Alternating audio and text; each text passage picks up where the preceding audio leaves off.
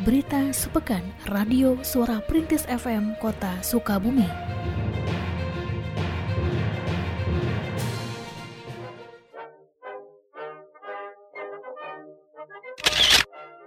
Musyawarah Perencanaan Pembangunan Musrenbang untuk perencanaan program tahun 2022 di Kecamatan Cikole dilaksanakan pada hari Senin 15 Februari 2021 di Aula Kantor Kecamatan Cikole. Hadir pada kesempatan tersebut Wali Kota Sukabumi, Ahmad Fahmi, para lurah sekecamatan Cikole, serta organisasi dan tokoh masyarakat. Pada Musrenbang Kecamatan, diusulkan 72 kegiatan fisik dan non-fisik pada tahun depan yang berasal dari usulan masyarakat melalui musrenbang tingkat kelurahan yang dilaksanakan sebelumnya. Pada musrenbang tingkat kecamatan, dilakukan pula kesepakatan prioritas kebutuhan dan kegiatan kecamatan yang akan menjadi rencana kerja kecamatan tahun berikutnya.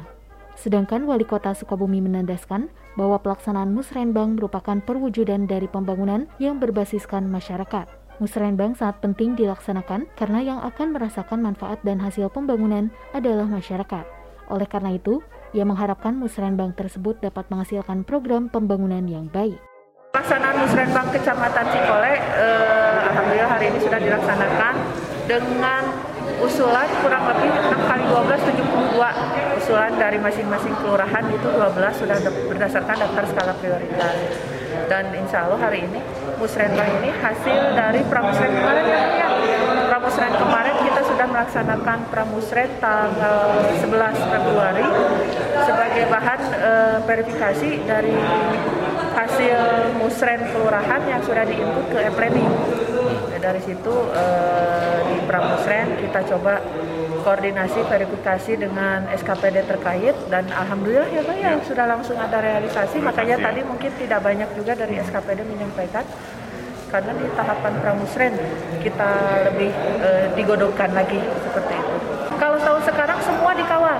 Jadi dari e, daftar skala prioritas kelurahan oleh tingkat kecamatan nanti ke FGD itu semua dikawal. Jadi 72 yang diusulkan oleh kelurahan itu kita kita kawal semua nanti di ke, ke SKPD terkait di di RKPD SKPD nanti. Wali Kota Sukabumi, Ahmad Fahmi, menghadiri bakti sosial Ibun PS IPSM Kota Sukabumi di Daya Luhur pada hari Senin 15 Februari 2021 bertempat di ruang pertemuan Kelurahan Daya Luhur. Hadir pada kesempatan tersebut Camat Warudoyong, Kepala Dinas Sosial, serta para TKSK. Dalam sambutannya, Wali Kota mengharapkan kegiatan ini mampu mendorong berbagai pihak untuk senantiasa mewujudkan kepedulian kepada masyarakat dalam berbagai bentuk. Ia juga mengharapkan IPSM tetap konsisten mengadakan kegiatan bakti sosial karena terasa manfaatnya oleh masyarakat. Sementara itu, Ketua IPSM Kota Sukabumi, Undang Hidayat menjelaskan bahwa pada bakti sosial kali ini IPSM memberikan santunan kepada 21 orang anak yatim piatu di Kelurahan Dayuh Luhur. Selain itu, bantuan juga datang dari Dinas Sosial Kota Sukabumi yang menyalurkan bantuan 21 paket beras kepada anak yatim piatu. Kami uh, jajaran IPSM Kota Sukabumi juga berkolaborasi dengan tiap aparatur wilayah. Setiap per tiga bulan, alhamdulillah kita selalu mengadakan bakti sosial. Adapun anggaran bakti sosial itu kami sisihkan setiap bulannya dari tali asih yang diberikan oleh pemerintah Kota Sukabumi. Kita kegiatan per tiga bulan. Kita roadshow ke tiap kelurahan sesuai jadwal yang telah disepakati. Intinya ingin mencoba membantu masyarakat yang kurang mampu. Kecamatan Gunung Puyuh mengadakan musyawarah perencanaan pembangunan atau musrenbang untuk merumuskan usulan program pembangunan pada tahun 2022 pada hari Selasa 16 Februari 2021 di kantor Kecamatan Gunung Puyuh. Musrenbang tersebut dihadiri secara langsung oleh Wali Kota Sukabumi Ahmad Fahmi, Camat Gunung Puyuh Aris Ariandi mengatakan dalam musrenbang kali ini diusulkan 35 kegiatan fisik dan non-fisik untuk dimasukkan dalam program kegiatan SKPD pada pemerintah kota Sukabumi. Sedangkan program dana kelurahan tahun depan di antaranya diusulkan untuk peningkatan sektor transportasi di Kecamatan Gunung Puyuh. Ia juga menyampaikan bahwa tahun depan peningkatan sektor transportasi memang menjadi prioritas dalam program pembangunan di kecamatannya. Prioritas tersebut ditujukan agar hasil pembangunan bisa dimanfaatkan secara merata oleh masyarakat. 35 usulan yang kita usulkan ke tingkat kota itu hanya untuk SKPD saja. Kalau untuk kegiatan-kegiatan yang dilaksanakan melalui dana kelurahan maupun eh, P2RW, kalau untuk dana kelurahan hari ini kita untuk tahun 2022 ada kegiatan yang sistemnya tematik. Untuk dana kelurahan tahun 2022 kita mengusulkan untuk peningkatan eh, infrastruktur transportasi. Musyawarah Perencanaan Pembangunan atau Musrenbang Kecamatan Warudoyong untuk program pembangunan tahun 2022 merumuskan 62 usulan program pembangunan. Hal tersebut disampaikan oleh Camat Warudoyong Ratna Hermayanti dalam Musrenbang yang dilaksanakan pada hari Rabu 17 Februari 2021.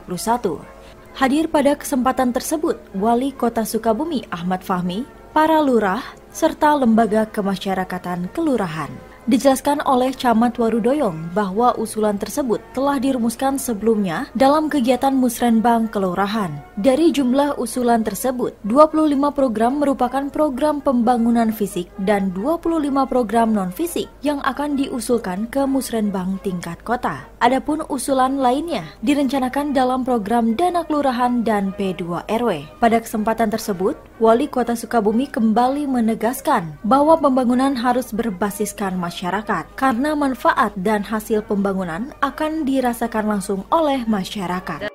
Dari entrian SIPD tingkat kelurahan sudah masuk ke tingkat kecamatan yaitu sejumlah uh, fisik 24, non fisik 24. Jadi uh, secara totalitas berjumlah 48 usulan dan untuk usulan dari dana kelurahan sejumlah uh, 21 do, eh 23, mohon maaf.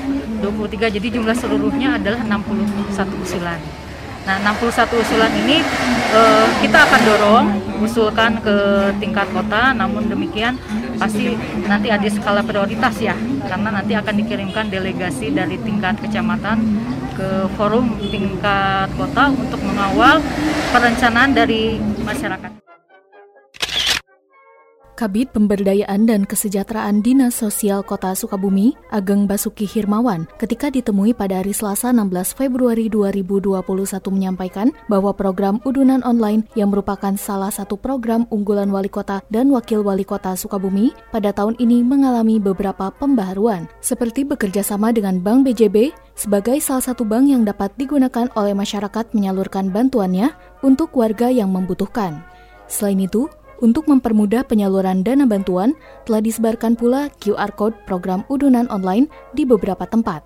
Adapun pembaharuan lainnya adalah dengan merilis aplikasi Android udunan online yang dapat diunduh dan diinstal melalui Google Play Store. Ia menjelaskan, program udunan online yang diluncurkan pada bulan Desember 2019 bertujuan untuk menjadi salah satu solusi dalam pengentasan masalah sosial. Ia juga menjelaskan bahwa pada tahun 2021, udunan online telah disalurkan kepada dua orang warga yang membutuhkan di Kecamatan Cikole dan Lembur Situ. Kalau sebelumnya udunan online itu cuma menggunakan apa melalui Bank Mandiri ya. ya. Sekarang kita juga diperluas bekerjasama dengan Bank BJB dan kemarin kita sudah apa, melakukan sosialisasi dan mendistribusikan supaya masyarakat mudah mengakses turunan online itu kita mendistribusikan namanya QR ya. Jadi jadi barcode berbasis bayar standar Indonesia.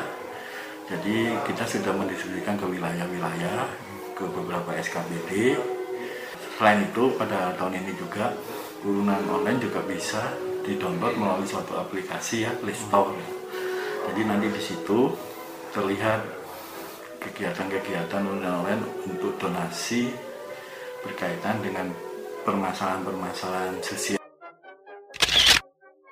Musyawarah Perencanaan Pembangunan Musrenbang Kecamatan Ciberem menghasilkan di antaranya 40 usulan program pembangunan untuk tahun 2022. Pelaksana Harian Camat Ciberem, Adrian Haryadi pada Musrenbang yang diadakan pada Kamis 18 Februari 2021 mengatakan bahwa di antara berbagai usulan tersebut, salah satunya adalah perbaikan jalan lingkungan.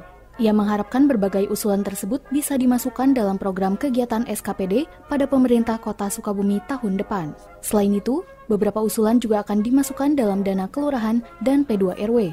Sementara itu, Wali Kota Sukabumi, Ahmad Fahmi, yang juga hadir dalam musrenbang tersebut menyebutkan ada empat saluran yang bisa dimanfaatkan dalam mengakomodir usulan masyarakat, yaitu musrenbang, reses DPRD, program dana kelurahan, serta P2 RW.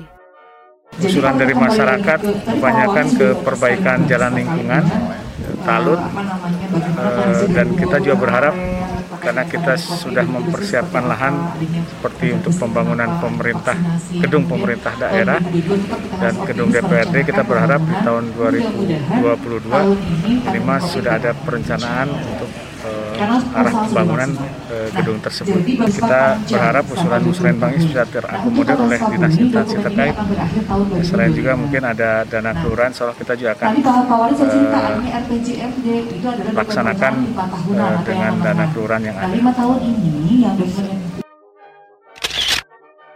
Wali Kota Sukabumi, Ahmad Fahmi, melantik dan mengambil sumpah 202 orang pejabat administrator, pengawas, dan fungsional di lingkungan pemerintah Kota Sukabumi pada hari Kamis 18 Februari 2021.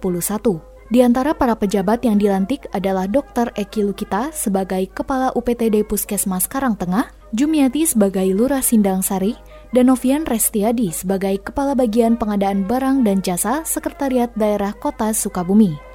Dalam sambutannya, wali kota menegaskan bahwa mutasi dan promosi merupakan suatu hal yang lumrah terjadi pada organisasi. Ia juga menyampaikan bahwa proses mutasi dan promosi telah mengikuti aturan yang berlaku dan ia meminta para pejabat yang baru saja dilantik segera bersinergi, berkolaborasi, khususnya dalam penanggulangan COVID-19. Sedangkan pada keterangan persnya seusai prosesi pelantikan dan pengambilan sumpah jabatan, wali kota menerangkan bahwa sesuai aturan dari Kementerian Keuangan akan dilakukan kembali refocusing atau pengalihan anggaran di antaranya untuk proses vaksinasi COVID-19. Ya maksudnya rotasi mutasi, eh, mutasi dan promosi ini ada bagian yang alamiah dari sebuah organisasi yang sampai misalnya tidak puas kemudian tidak melaksanakan tugas dengan sebaik-baiknya. Jadi sebagai seorang aparatur terikat dengan panca prasetya korpri silakan setelah ini melaksanakan tugas dengan sebaik-baiknya.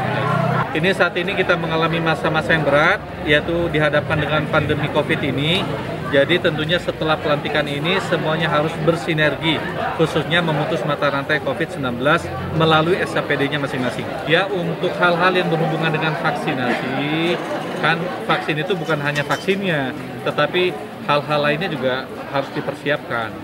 Sekarang sedang diolah oleh Pak Sekda sesuai dengan aturan yang disampaikan oleh Kementerian Keuangan ya. BPBD Badan Penanggulangan Bencana Daerah Kota Sukabumi menempati lokasi kantor baru di Jalan Letda T. Asmita nomor 18, Kelurahan Nanggeleng pada hari Kamis 18 Februari 2021.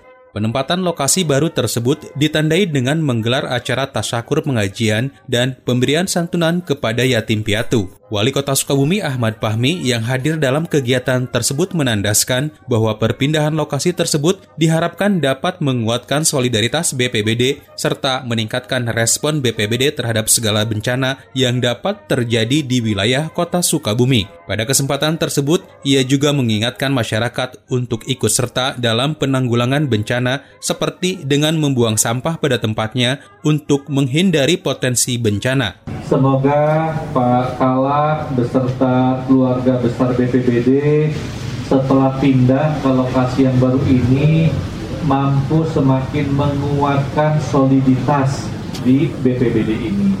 Sekaligus mampu lebih responsif apabila terjadi musibah-musibah yang sangat mungkin datang di kota Sukabumi kita tidak bisa merencanakan kapan datangnya musibah, tidak bisa mengetahui, tetapi kita tetap harus mengantisipasi dan berjaga-jaga seandainya musibah terjadi.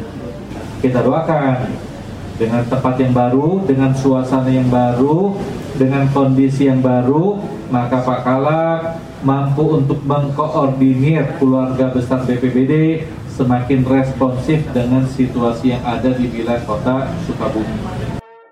Sedangkan Kepala Pelaksana BPBD Kota Sukabumi Imran Wardani menjelaskan bahwa sesuai dengan struktur organisasi dan tata kerja yang baru, BPBD kini memiliki tiga seksi yaitu kedaruratan, kesiapsiagaan, dan rehabilitasi. Adapun pemadam kebakaran yang kini menempati lokasi lama kantor BPBD bergabung dengan Dinas Satpol PP.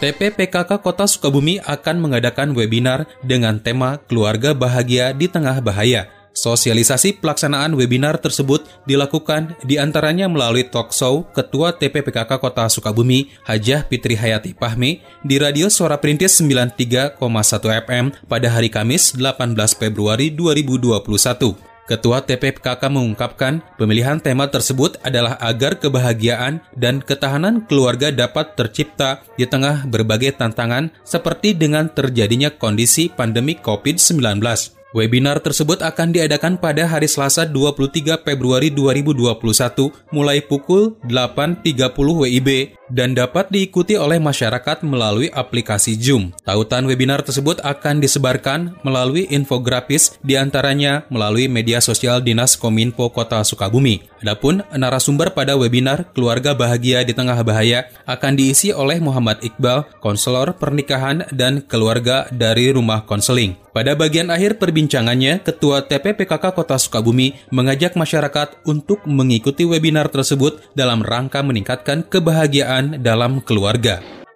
Mudah-mudahan Kota Sukabumi, keluarganya, utamanya keluarganya, menjadi keluarga yang bahagia, bahagia lahir batin, bahagia dunia akhirat, sehingga nanti Kota Sukabumi menjadi kota yang bahagia itu kan ada skornya ya.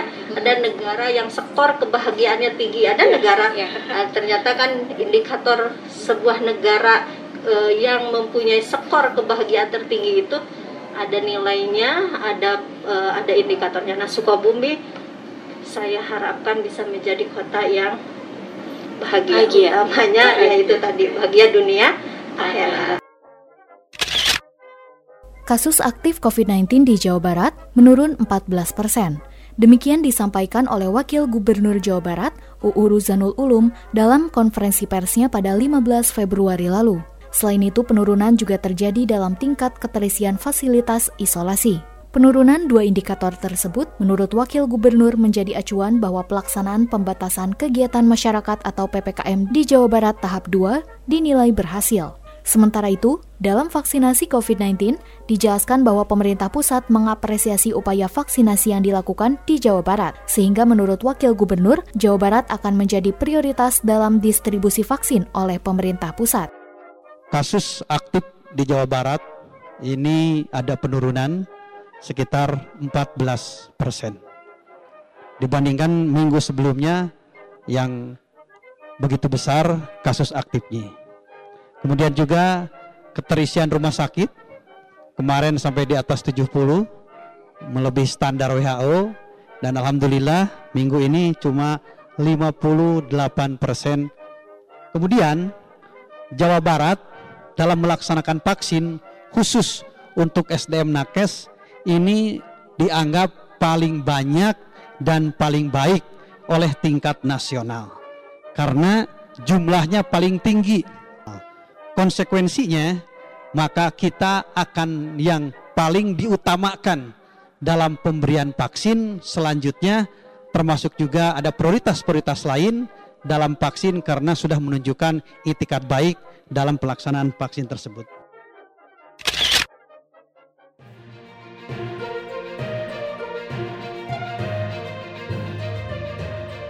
Berita Sepekan Radio Suara Perintis FM Kota Sukabumi.